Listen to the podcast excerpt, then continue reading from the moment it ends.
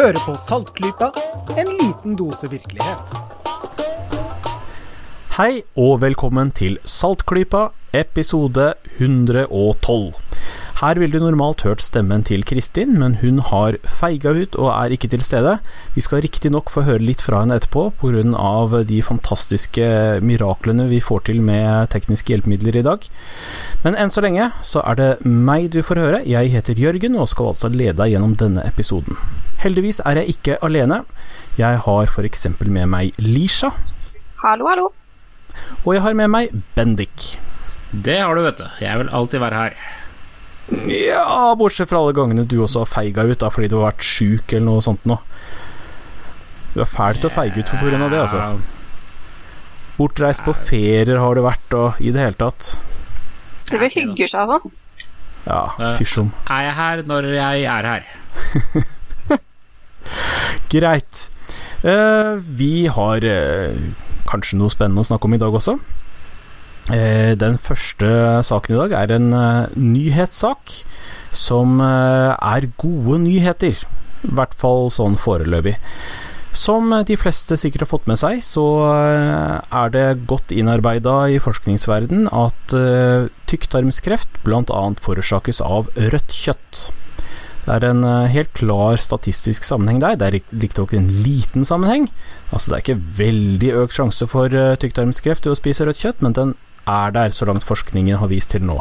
Bortsett fra helt nyeste forskning med museforsøk som eh, ikke kan finne noen økning av eh, tykktarmskreft ved inntak av rødt kjøtt. Tvert imot så kan det se ut i disse forsøkene som om eh, faktisk det røde kjøttet demper utviklingen av kreft. Altså, Vi var jo gjennom dette her bare for noen uker, måneder siden, jo. Nå skal de ombestemme seg allerede. Dette blir ikke lett å følge med på.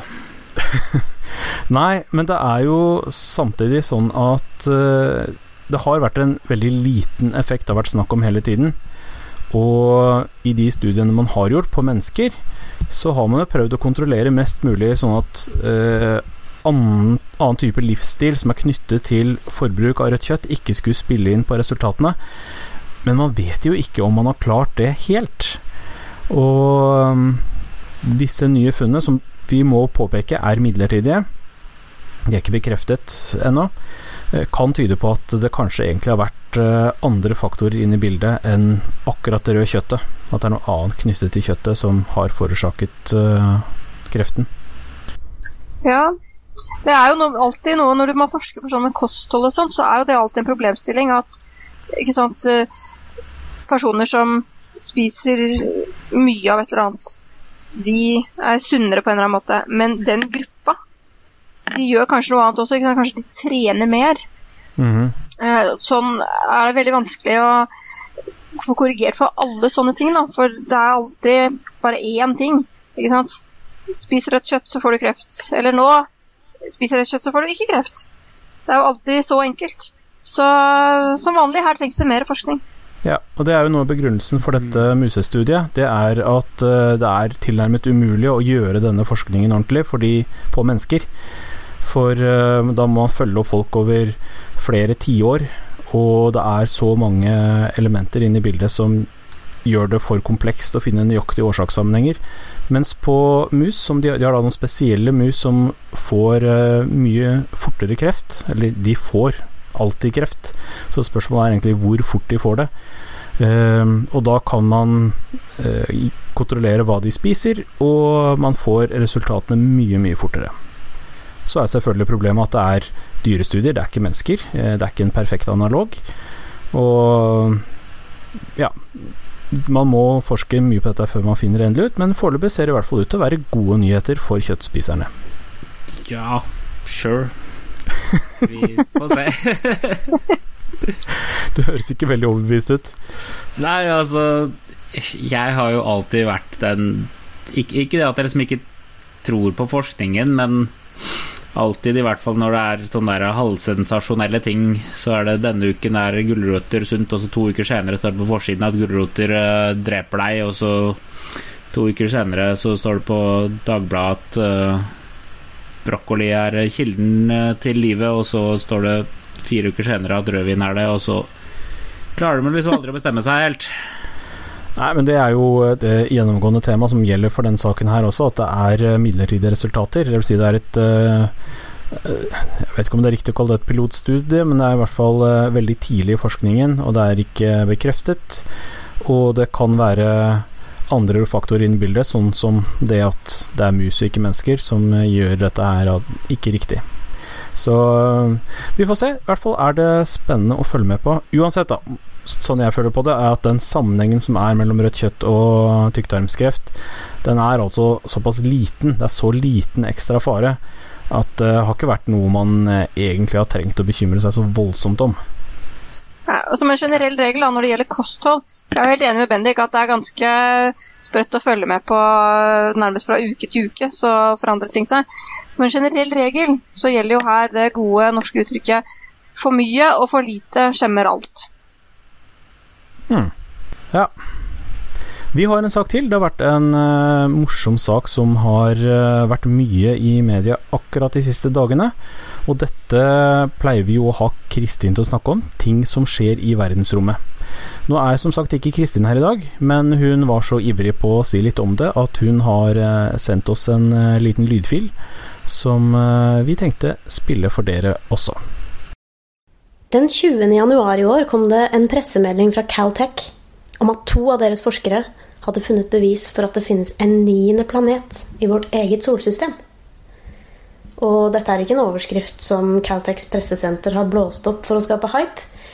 Tittelen på artikkelen forskerne har publisert i Astronomical Journal, er faktisk 'Evidence for a distant giant planet in the solar system'. Astronomene heter Konstantin Batygin og Mike Brown. Sistnevnte kan jeg også nevne er kjent som mannen som brakte Pluto i vanære for et drøyt tiår siden. Kort fortalt dreier det seg om en planet på rundt ti ganger jordens masse. Den går i en svært avlang bane rundt solen, langt, langt utenfor banen til vår hittil ytterste kjente planet Neptun. Og for å ha det på det rene, den har ingenting med Nibiru å gjøre. Men hva vil bevis si i dette tilfellet? Vel, den er for det første ikke blitt sett. Dette er ikke en oppdagelse, selv om du kanskje har sett det ordet i ymse avisartikler rundt om på nettet. Men det er jo mange måter å observere på i forskningsverden. Litt på samme måte som når man leter etter mørk materie, som per def ikke kan ses, så ser man her på hvordan den påvirker omgivelsene sine gjennom tyngdekraften. Ute forbi vår ytterste planet Neptun befinner det seg et vell av isobjekter som danner det vi kaller Kuiperbeltet. Man har ikke vært i nærheten av å kartlegge alle fordi de er så små og lyssvake, men såpass mange har blitt funnet at vi ut fra dette kan anslå omfanget av dette beltet. Så var det da at eh, to andre astronomer for et par år tilbake studerte noen fjerne Kuiperbelteobjekter, eller KBO-er, som jeg kommer til å kalle dem. Og de fant noe veldig merkelig med banene deres. Ut fra det man vet om mekanikken i solsystemet, burde disse objektene gå i tilfeldig orienterte, elliptiske baner i forhold til hverandre. Det de så derimot, var at alle disse objektene hadde elliptiske baner hvor den lange aksen i alle ellipsene pekte noenlunde i samme retning. Dette fenomenet, spesielt kombinert med et par andre snodige sammentreff, er ekstremt usannsynlig at hadde oppstått tilfeldig. Enhver forsker med respekt for seg selv streber alltid etter å fremstille hypoteser som er så testbare som overhodet mulig, i stedet for å begrense ideene til akkurat det, bare ideer som man kan sitte og regne på, filosofere over i det uendelige. Fordelen som Brown og Batygen har, er at den ene er teoretiker og veldig flink til å lage modeller på en datamaskin, mens den andre er observasjonell forsker som liker å se på ja, se om noe som er forutsett et sted på himmelen, faktisk befinner seg der i virkeligheten. Denne dynamikken skulle vise seg å være svært fordelaktig for arbeidet de gjorde, for å til slutt publisere bevisene for en niende planet. Brown og Batygen startet med å lage masse ulike simuleringer av hva som vil skje med en gruppe Kuiperbelt-objekter, eller altså KBO-er, etter hvert som de blir slengt rundt av forskjellige typer objekters tyngdekrefter. Ved å endre karakteristikkene til de objektene som påvirket KBO-ene, kunne de så sammenligne med det som faktisk var observert, og se hvilke modeller som passet best til virkeligheten. Og da de puttet inn i modellen en planet med størrelse mellom jorden og Neptun, med en elliptisk bane som aldri kommer nærmere solen enn 200 astronomiske enheter, ja, da fikk de modellen til å samsvare veldig godt med observasjonene.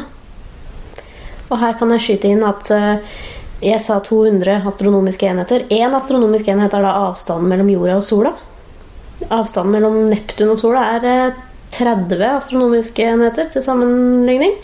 Så altså ved 200 astronomiske enheter, det nærmeste denne planeten kommer sola, så begynner vi altså å snakke om heftige avstander.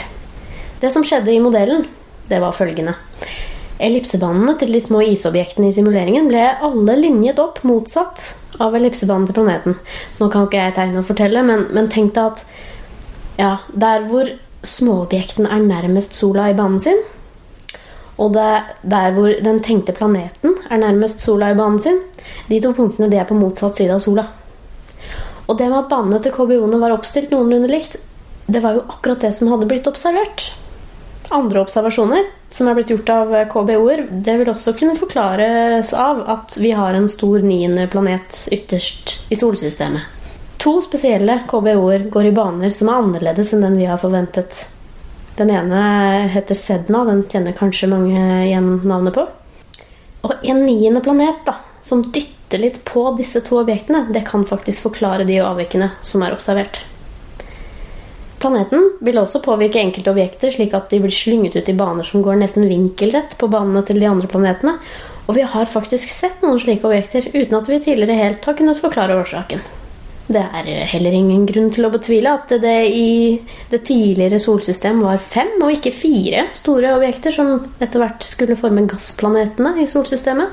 En av dem kunne godt ha vekselvirket med f.eks. Jupiter eller Saturn på et tidspunkt og bli slynget ut i en fjern og flattrykt bane. Så det skal bli spennende å følge med på søken etter denne hypotetiske planeten, og om den faktisk kommer til å bli oppdaget etter hvert. Akkurat nå vet forskere bare sånn veldig cirka hvordan banen den ser ut. Men det, er verre å vite hvor i denne banen den eventuelt befinner seg. Mike Brown han sier at han veldig gjerne skulle likt å være den som fant planeten, men som en ekte forsker legger han også til at han ville vært sjeleglad hvis noen andre fant den også. Det er jo derfor disse forskerne har publisert artikkelen sin, i håp om at andre blir inspirert til å være med på jakten. Artig hadde det jo uansett vært, som Phil Plate påpeker i et blogginnlegg, dersom Mike Brown skulle bli den som både hadde tatt livet av og oppdaget den niende planeten. I den rekkefølgen. Jeg tror ikke jeg har så mye mer å legge til uh, der, jeg, på hva Kristin sa om Planet Nine der nå. Nei. Hun er jo eksperten vår på slike ting. Ja. Men det er jo noe med at når man liksom hører i nyhetene at det er eh, en ny mystisk planet langt uti der et sted, så er det veldig lett å automatisk bli eh, kritisk og tenke at nja, dette er vel noe tull. Men mm tull er det ikke. Det er altså ordentlig vitenskap som ligger bak, men det er ikke bekrefta. Så det er i hvert fall ikke noe å avfeie, men må, man må undersøke nærmere. Så med litt Vi får håpe at det blir bekrefta. Det blir veldig spennende i så fall. Ja. Vi venter på bekreftelse. Ja. Vi sender en sonde ut dit på en 30-40 år, så det er bare å smøre seg med tålmodighet. Ut der, ja. Det er en gedigen bane, og de vet ikke hvor i banen den eventuelt er, så det er kanskje ikke så enkelt. De må sende ut noen ja, milliarder vi, sonder da, i så fall. Ja, da er det bare sender vi flere sonder. Ja.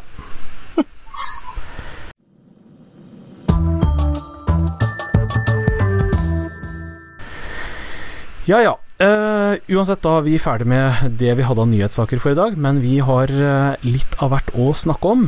Uh, ja, jeg hører rykter, Bendik, om at du har vært en tur på kino. Og det er en nyhetssak, det må vi snakke om. At Bendik det... faktisk har kommet seg på kino. det er ikke så ofte. Jeg skal, jeg, skal, gjerne innrømme det. Men, men denne gangen så droppet vi å gå og se The Hateful Eight for at vi i stedet skulle gå og se Mannen fra Snåsa. Oi, oi, oi. Ja, øh, jeg, jeg vet ikke helt om jeg tjente noe på det valget der. Eh, vi hadde da tenkt til å gå og se The Hateful Eight først, og så omtrent når vi kom fram til kinoen, så bestemte vi oss.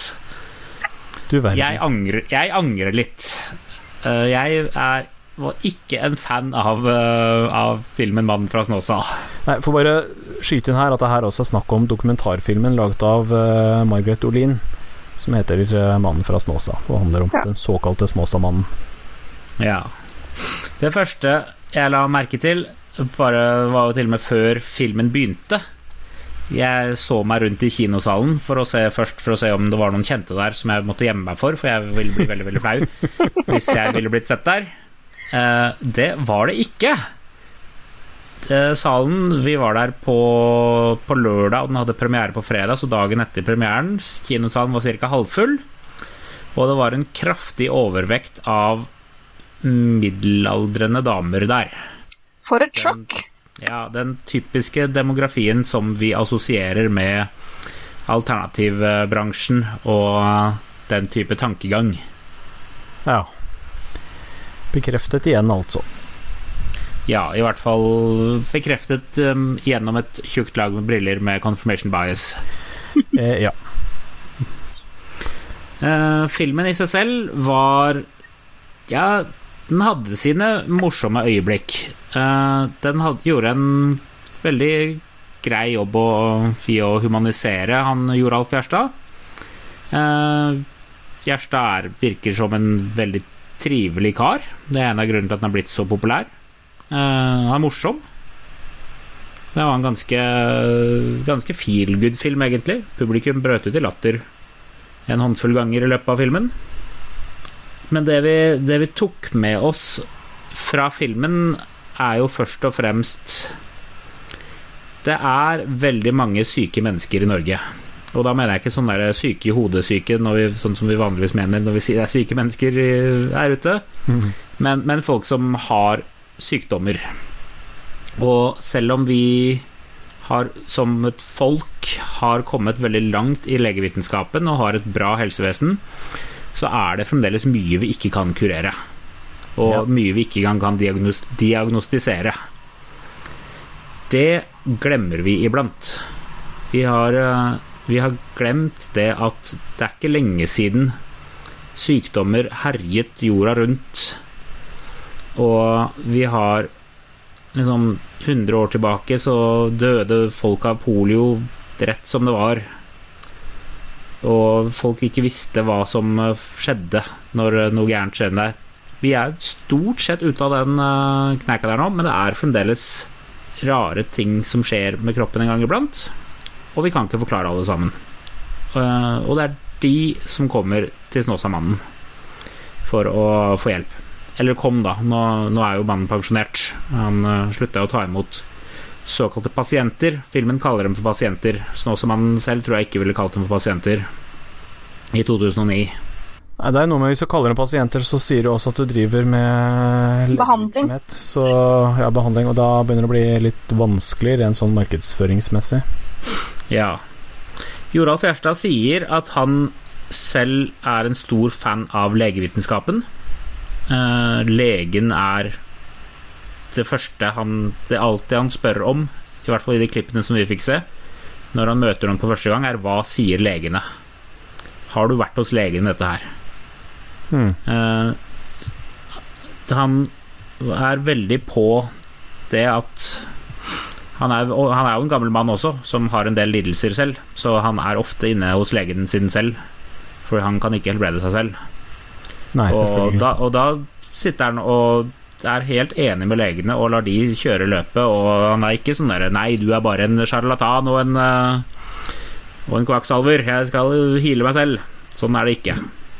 Uh, han er veldig med på, Spiller mye på lag med, med helsevesenet. Ja. Og det er jo fint. Men Eh, I begynnelsen av filmen så sa han at uh, han gjerne vil bli forsket på for å prøve å finne ut uh, hva dette her var. Eller i hvert fall sånn det kom fram der. Det stemmer ikke helt overens med de utsagnene som uh, f.eks. var det Christian Gundersen, tror jeg, som tilbød 50 000 kroner hvis uh, Gjerstad lot seg forske på å dokumentere evnene sine. Men, men den om det. Ja, han har jo stadig, eller flere ganger, nevnt at han gjerne vil få det bekrefta, men uh, for han så er det å fortelle historiene er bekreftelsen, så når folk ikke godtar historiene hans, så vil han ikke ha noe mer med dem å gjøre. Mm. Så det, jeg tror det mye handler om uh, hans forståelse av hva forskning er. Ja, den tror jeg er veldig begrensa. Ja. Jeg tror at hvis man kom og presenterte sånn som man faktisk ville måtte gjøre det, for å virkelig teste dette vitenskapelig, så ville han synes at det var uh, Det tror jeg ikke han ville godta, altså. Nei. Nei, det Når man hører på hvordan han snakker om disse tingene sånn generelt. Jeg har ikke sett filmen, må jeg nevne. Det var, ville, ville nok vært en, en kald og umenneskelig prosess. Han er jo som sagt veldig empatisk og, og varm, og ikke bare i hendene, eh, person. Og han prater veldig mye med folk først også, selvsagt, for å, for å finne ut av hva som feiler dem. Han sier han kan diagnostisere selv også, uh, ved at han føler det på en eller annen måte, hva som er gærent i, i kroppen deres. Og et par ganger under filmen så sier han liksom Ja, du har vondt i øret, du. Og så svarer han ja, hvordan visste du det? Og, og ting som det der, at han diagnostiserer folk. Men, men jeg så kjente igjen veldig mange enkle tankefiskingsmetoder der. Uh, han lar Han stiller åpne spørsmål og lar uh, pasienten svare på spørsmålene selv. Sier de etterpå da sånne ting som at uh, han fortalte ting om meg som han ikke kunne vite, og sånne ting? Det var, var et par stykker som i Kall det etterintervjuet sa ting som det. Men da ble Eh, det men- var, Så man da fra den behandlingen noe som tydet på at uh, han faktisk sa noe han ikke kunne vite? Det kan vi ikke vite men uten å få se råopptakene som ikke har blitt klippet. Ja, eh, og det får vi vel ikke. Og det får vi sannsynligvis ikke. Eh, Det er veldig lett for oss mennesker å si ting og så glemme at vi har sagt dem, og så bare høre at noen andre repeterer dem tilbake og si 'wow, hvordan visste du det'? Mm. Så det, det kan være. Eller så kan han ha bare hatt litt flaks. Eller erfaring. Hmm. Så det er, det er jo ikke ren tilfeldighet, dette her. Nei. Eh, det som han, han har veldig mye religion. Han er jo en veldig religiøs person selv. Eh, og veldig mange av de som besøkte han, var også religiøse. Det var en ting jeg la merke til. Han, eh, han sier jo at liksom han har fått sine evner fra, fra Gud, og at healing-prosessen er Han brukte ofte en kamp mellom det gode og det onde, litt sånn Star Wars-aktig, eh, med at det, healingen var det gode, og ja, litt det hektiske samfunnet og, og eller mørke krefter var det onde, som de da slåss mot. Men det var jo da en håndfull eh, med pasienter der. Vi fikk se dem før de kom på besøk, og så fikk de se prosessen. Og så en liten prat eh, med dem etterpå. Mm. Eh, prosessen var da som sagt veldig tankefiskete, og med en del sånn varme hender. Du, kan du kjenne dette her? Å oh, ja, det er varmt uh, der. Det var et par stykker av dem som ikke kjente hendene hans, eller ikke kjente varmen. Aha. Og der kunne man tydelig se at de var kjempeflaue over det at de ikke kjente varmen hans. Ja, riktig. Uh, og det syns jeg var veldig, veldig interessant. Tror Det der har jeg hørt tidligere også, at uh, han er veldig Han liksom pusher litt på at du skal føre varmen. Ja, du skal det. Du, du skal føle dem selv gjennom klær og gjennom sko og alt sånt. Ja, men Eh, og åssen da- tror du det er for altså, Nå er jo du en skeptiker. Åssen tror du vanlige folk som ikke kjenner til dette med tankefisking eller cold reading eh, Vil de oppfatte det, tror du? At eh, eh, At folk blir ubekvemme av å måtte gi et negativt svar til uh, Joralf? Eller tror du det er vi som er litt rente det, som ser sånt? Uh, jeg kan ikke si noe om de andre annet enn at kjæresten min, som, ikke, som jeg var der sammen med, som ikke er så innlært i den skeptiske terminologien som vi er, Mm. så det også. Ja. At disse personene som ikke følte varmen, var kjempeflaue. Og det er jo en Det at de er kjempeflaue, det sier jo en del om forventningene. Ja. Og det faller da også inn i det at man vil jo veldig gjerne hjelpe Eller gi et positivt svar når man eh, sitter med denne gamle mannen. Det er jo det er menneskelig natur, det. Og dessuten så vil man gjerne det når man har fått sjansen til å komme til han. For man vet jo, han er jo så kjent, så jeg regner med at alle som kommer til han, de veit at nå er jeg kjempeheldig. Nå har jeg fått sjansen til å komme hit, så det er hundrevis av mennesker som vil treffe han. Og da også øker du Da blir det også vanskelig å si at uh, jeg merka ikke en dritt, jeg. Ja. Pluss selvfølgelig det det store håpet man har selv om at det faktisk skal fungere. Ja, selvsagt. Ja. Det også. Så det er nok kanskje en skuffelse for seg selv også å oppleve at eh, man ikke umiddelbart får den reaksjonen som eh, Joralf eh, forventer at man skal få. Nettopp. Så, så jeg fikk inntrykk av at disse personene som ikke kjente varmen, fikk selv trodde, trodde selv at det var noe gærent med dem. Ja. Som de ikke følte varmen. Ikke at Joralf ikke hadde det jevne som han påsto. Nemlig. Og det er jo en en ganske stor forskjell. Men det var jo da en eh, Han som, som tidligere nevnt, han pensjonerte seg jo i 2009, men tok inn et knippe med pasienter for denne filmen her. Eh, vi vet ikke hvordan disse pasientene har blitt utvalgt, men jeg holdt en liten statistikk, og, og ca. halvparten av dem hadde plager som, som kan ha vært psykosomatiske. Mhm. En dame hadde angst, ikke noe fysisk med seg i det hele tatt. Eh, Det var veldig mye stive ledd og vonde ledd og vonde kroppsdeler. Og de, i hvert fall ifølge etterintervjuene, klarte han å behandle veldig effektivt. Ja, det er jo Smerte er jo eh, ganske lett og eh, Lett og rett, men, men eh, man er ganske mottakelig for å oppfatte smerte på en annen måte eh, når man påvirkes. Ja.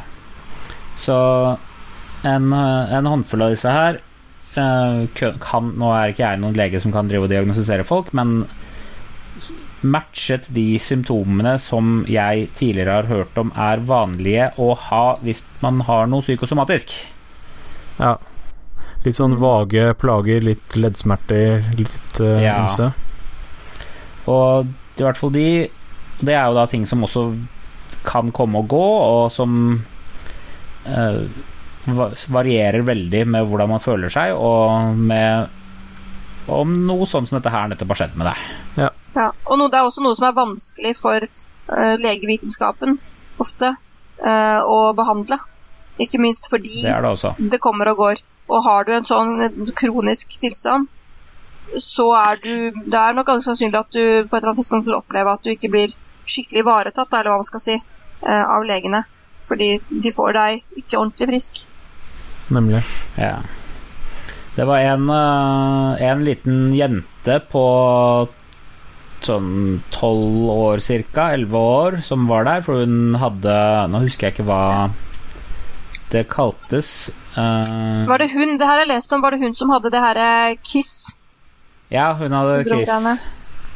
Som vel ikke er en eh, godkjent diagnose i legeverket. Nei, den er veldig omstridt, i hvert fall. Ja, eh, og det utartet seg for henne med ledd som ikke kunne bøyes og slikt, og så fikk han kurert det på henne. Eh, og så samtidig så nevnte hun, mens hun satt og prata med Joralf, at å, nå skulle faren min skulle prate med faren min også, fordi han lider av noen andre ting. Og da sa Joralf bare 'jo, ham inn, kom, få han inn her', så får vi på han også samtidig. Og da Faren var jo ikke frisk, han heller. Eh, og gikk, hadde massevis av behandlinger. Og klagde litt på at jo, mye, mye av de behandlingene virket, men han, for eksempel så hadde han så veldig diaré. Hmm. og da sa jo Joralf bare ja, slutt på alle de eh, medisinene du går på, så fikser det seg. Å hei. Ups. Eh, så da rapporterte jo han at den, den diareen, den forsvant, den.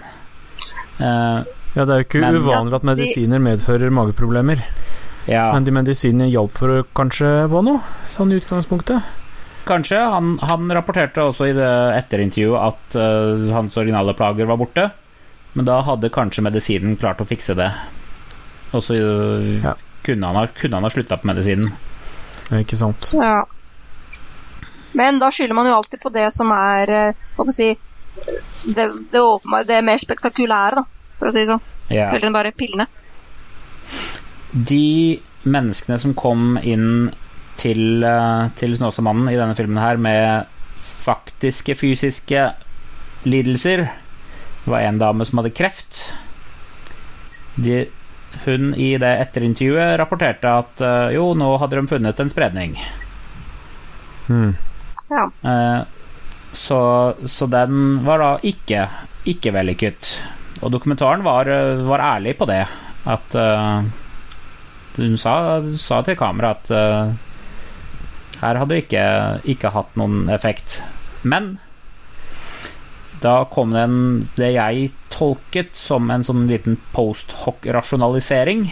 Vi mennesker er jo veldig flinke til å rasjonalisere for oss. At hun hadde jo egentlig ikke gått dit for å bli frisk. Hun hadde jo gått, til, gått dit for å få støtte, og for å få liksom, krefter til å komme gjennom dette her. Ja, riktig. Ikke for faktisk helbredelse. Eh, hvor, hvor riktig det var, eller om det var noe som var, eller om det er bare en rasjonalisering hun kom etterpå, det kan jeg ikke vite. Men han kurerte i hvert fall ikke kreft. Nei. Så Så han I hvert fall blant de som var her, så var han veldig god med lette plager, leddplager, smerter. Kroniske smerter. Men, men ikke ting som var faktiske sykdommer. Nei, det, altså, han gjorde en god jobb, eller hva man skal kalle det, med de tilstandene som lettest påvirkes av placebo. Ja, Og han mislyktes med da en tilstand som ikke kan påvirkes av placebo. korrekt. Det er sånn jeg oppfattet det også. Det er vel ikke Det- helt overraskende. Nei, det jeg har lest litt eh, rundt på anmeldelser av filmen, er at eh, det er en del som har kritisert den for eh, at det ikke stilles noen kritiske spørsmål til hans påstander om hva han kan gjøre. F.eks. For eksempel det du sa i innledningen her om at han gjerne ville testes vitenskapelig. Eh, Det har hun jo sagt før, som vi snakket om, og nektet når det først kom til stykket. Og det har han ikke blitt pressa på i filmen, som jeg har skjønt. Var det noen andre forsøk på å stille han til veggs på noe? Ja, den uh, faren til hun 11-åringen som var den tidligere, han kom inn Eller når han satte seg ned i sofaen sammen med Joralf, så sa Joralf ja, du tror ikke på dette her, du. Og da sa faren nei, jeg, jeg gjør egentlig ikke det. Mhm. Men så kom han med de varme hendene sine og, og lindra litt smerte der og da, og så kunne han liksom ikke gjøre noe annet enn å si ja, jeg kom hit skeptisk, men eh, jeg kan jo ikke krangle med resultatene her. Mm. Men, men annet enn han ene fyren som eh, ble omvendt på ti sekunder, så eh, var det ingen Ikke noe særlig kritiske stemmer i den filmen her. Ja, ok. Snarere, snarere tvert imot. Filmskaperen eh, Margaret Olin gjorde det ganske klart for oss at uh, hun selv var veldig veldig positiv til uh, hans påstander. Ja, dette skal vel foreslå være, om man skal si det sånn, en feel good-dokumentar. Hun har vel gått inn i det med uten å ha til hensikt å være noe kritisk på noen måte. Så vidt jeg Ja. forstår. Det er, det er egentlig ikke en, en nøytral skildring, dette her. Som sier, det er en, det er en feel good-dokumentar. Ja, det hun har eh, eh, sagt, er jo at hun vil vise behandlingssituasjonen, sånn at folk skal, som kritiserer, skal få et innblikk i hva det er de kritiserer. Uh, og det er vel akkurat det hun har gjort. Så vidt jeg har skjønt, så er det til dels ganske repetativt og litt kjedelig, og det har jeg vel skjønt på deg også at du syns, Bendik? Ja, jeg uh, satt uh, egentlig sånn et, først, Første perioden var jo veldig spennende, for da fikk jeg som skeptiker et innblikk i hvordan denne prosessen her virket, og fikk se, se han litt up close og sånn som det, og det, det var jo spennende. Men når vi var liksom på pasient nummer åtte, som, eh, som satte seg ned og ble håndspålagt eh, med noen varme hender, så, så begynte jeg å, å kjede meg omtrent. Ja.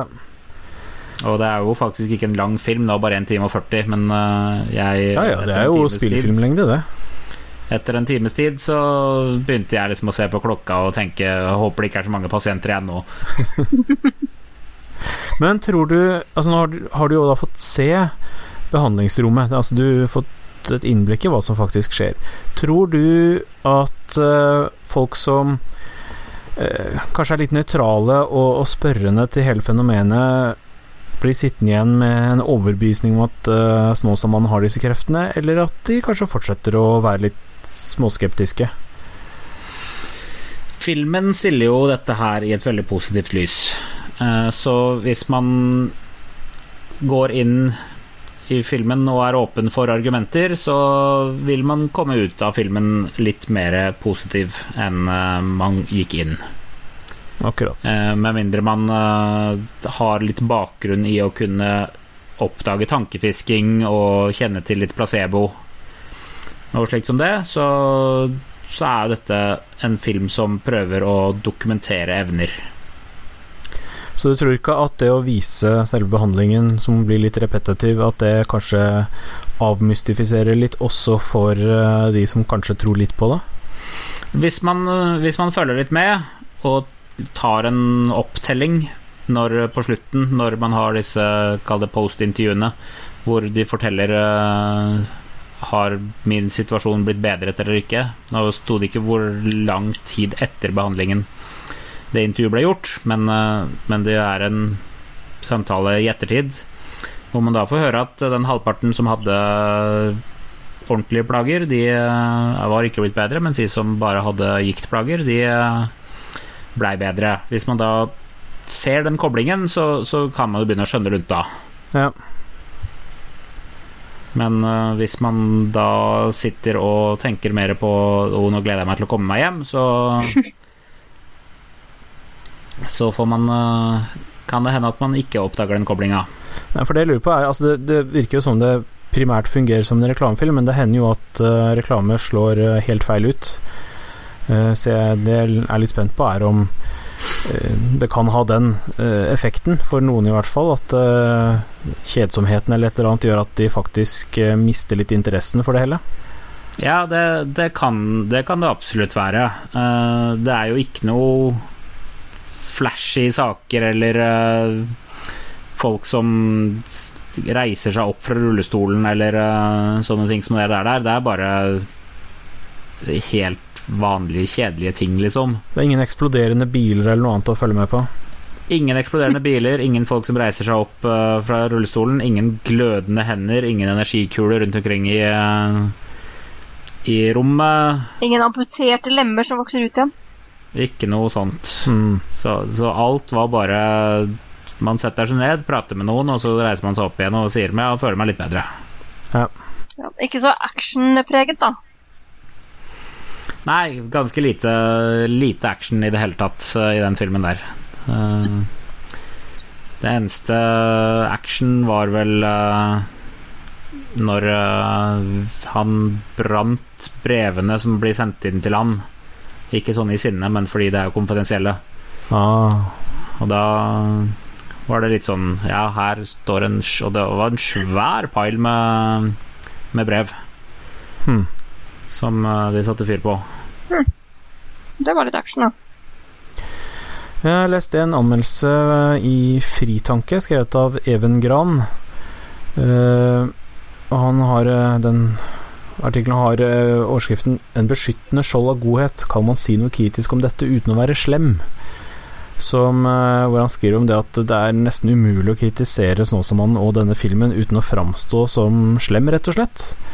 Eh, sitter du også med den eh, følelsen, Bendik? Jeg vil eh, i stor grad det. Uh, Snåsamannen i seg selv er jo så hyggelig og morsom og varm og empatisk person. Han er bestefaren vi alle skulle ønske at vi hadde.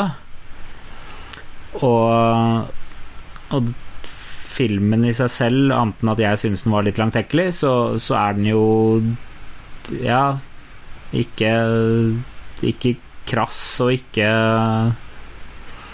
Ikke negativ, og det er bare Det er en, det er en feel good-dokumentar.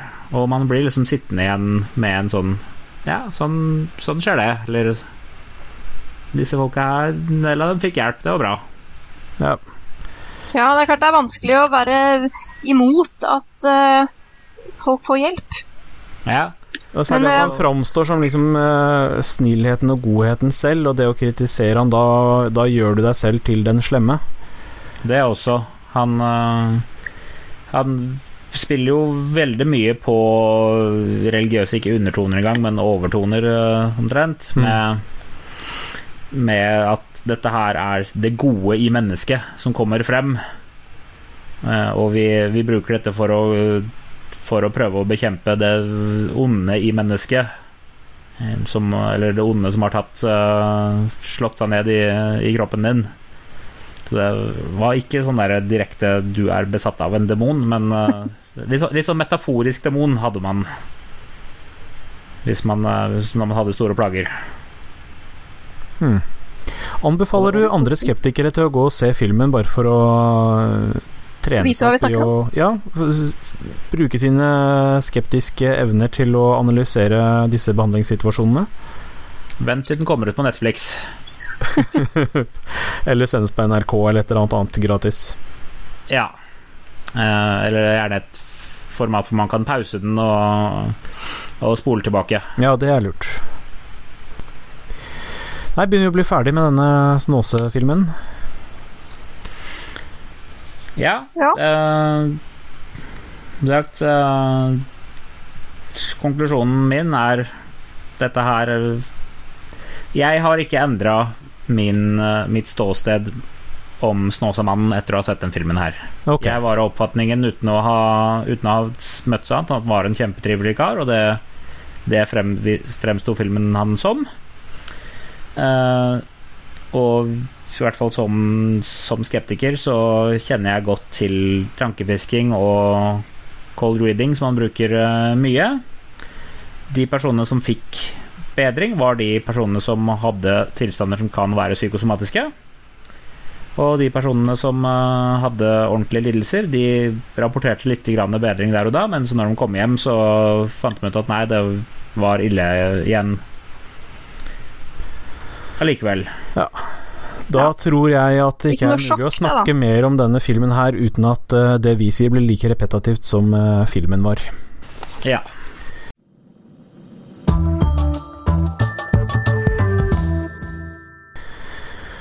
Ok, det var eh, hovedtemaene i dag, men vi har også noen eh, anbefalinger. Det har jo vært mye prat i det siste om eh, ytringsfrihet av ymse grunner, dette har vært inne på før.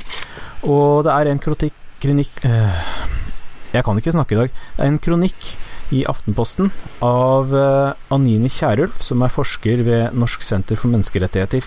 Hun, det er egentlig et svar til eh, en tilsvarende kronikk av Knut Olav Åmås, eh, som er direktør for stiftelsen Fritt Ord. Men det er en artikkel som handler om eh, nyanseringen av debatten, og den anbefaler jeg eh, veldig. Det er eh, mye skriking fra barrikaden om dagen, og det å forstå at det er mulig å si at det finnes rett og galt, og samtidig diskutere nyansene, det er ganske viktig. Det handler den eh, kronikken om, og jeg anbefaler den sterkt. Vi lenker selvfølgelig til den, og alt det andre vi har nevnt her i dag. Er det noen andre anbefalinger dere vet om? Ja, jeg eh, har lyst til å gå litt tilbake til den ekte Saltklypa-tradisjon. Nå, Forrige tema vi hadde her, eh, filmen, var jo faktisk en av de få gangene når vi prater om noe vi faktisk har sett Joho! i, i Saltklypa. Uh, jeg har tenkt til å anbefale en bok som jeg ikke har lest enda. Men du har den, Bendik. Du eier Jeg har den. Jeg har kjøpt den. Jeg Ja. har kjøpt den. Jeg gikk på bokhandelen uh, og kjøpte den. Uh, den heter 'Hemmeligheten' av eh, doktor Wasim Sahid. Undertittelen er 'Slik lever du godt lenge'. Og den handler da om uh, hva skal man spise, hvordan skal man trene, og hvilken livsstil fører til et godt liv. Uh, og prøver å inspirere oss til å leve et bedre liv. Ja, og det er jo du interessert i, Bendik. Ja, Det har vi jo sett Går tidligere. Mm. går gjennom forskning på hva som gir oss god helse, og hva som leder til sykdom. Uh, og det uh, baksiden eh, forteller egentlig eh, veldig godt. Det er aldri for sent å leve sunnere. Du kan begynne i dag. Spis godt, stress mindre, beveg deg mer og elsk mer. Så enkelt og så vanskelig. Det er, det er faktisk hemmeligheten. Altså. Han har gitt svaret på baksiden av boka her. Så egentlig hadde du ikke trengt å kjøpe den. Så, så, så jeg betalte 349 kroner for, eh, for, over, for baksiden. Eh, men eh, Nei, men jeg gleder meg til å lese den. Ja. Ja. Og eh, jeg tror veldig mange av våre lyttere vil eh, like den også. Ja, og da, når du har lest den, Bendik, da kan vi gå tilbake til en nye tradisjon, og vi kan snakke om noe som vi faktisk har lest. For da kan du komme tilbake og fortelle oss hvordan den var. Om den var så bra som du trodde, om du nå har fått alt du trenger for å starte et nytt og bedre liv. Ja. En grunn til at man tør å anbefale den boka her eh, ulest, er jo fordi man jo har erfaring med Wasim Sahid fra før av. Han er en glimrende fyr som helt klart uh, har et uh, skeptisk syn på verden, og er en veldig god formidler av uh, legevitenskap. ja. Vi er fans. Yes. Noe annet eh, å anbefale?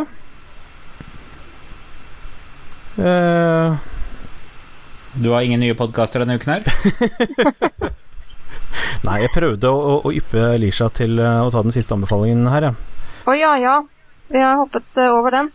Ja, nei, vi har jo nevnt eh, Det er jo noe som eh, pågår eh, nå, eller rettere sagt på søndagskveldene, og stadig vekk da på NRKs nett-TV. Så er det vår tidligere medklype, Andreas Wahl, har jo nå sin hittil mest dramatiske TV-serie, med livet som innsats, gående på NRK. Og det anbefaler vi fortsatt, selvsagt. Ja.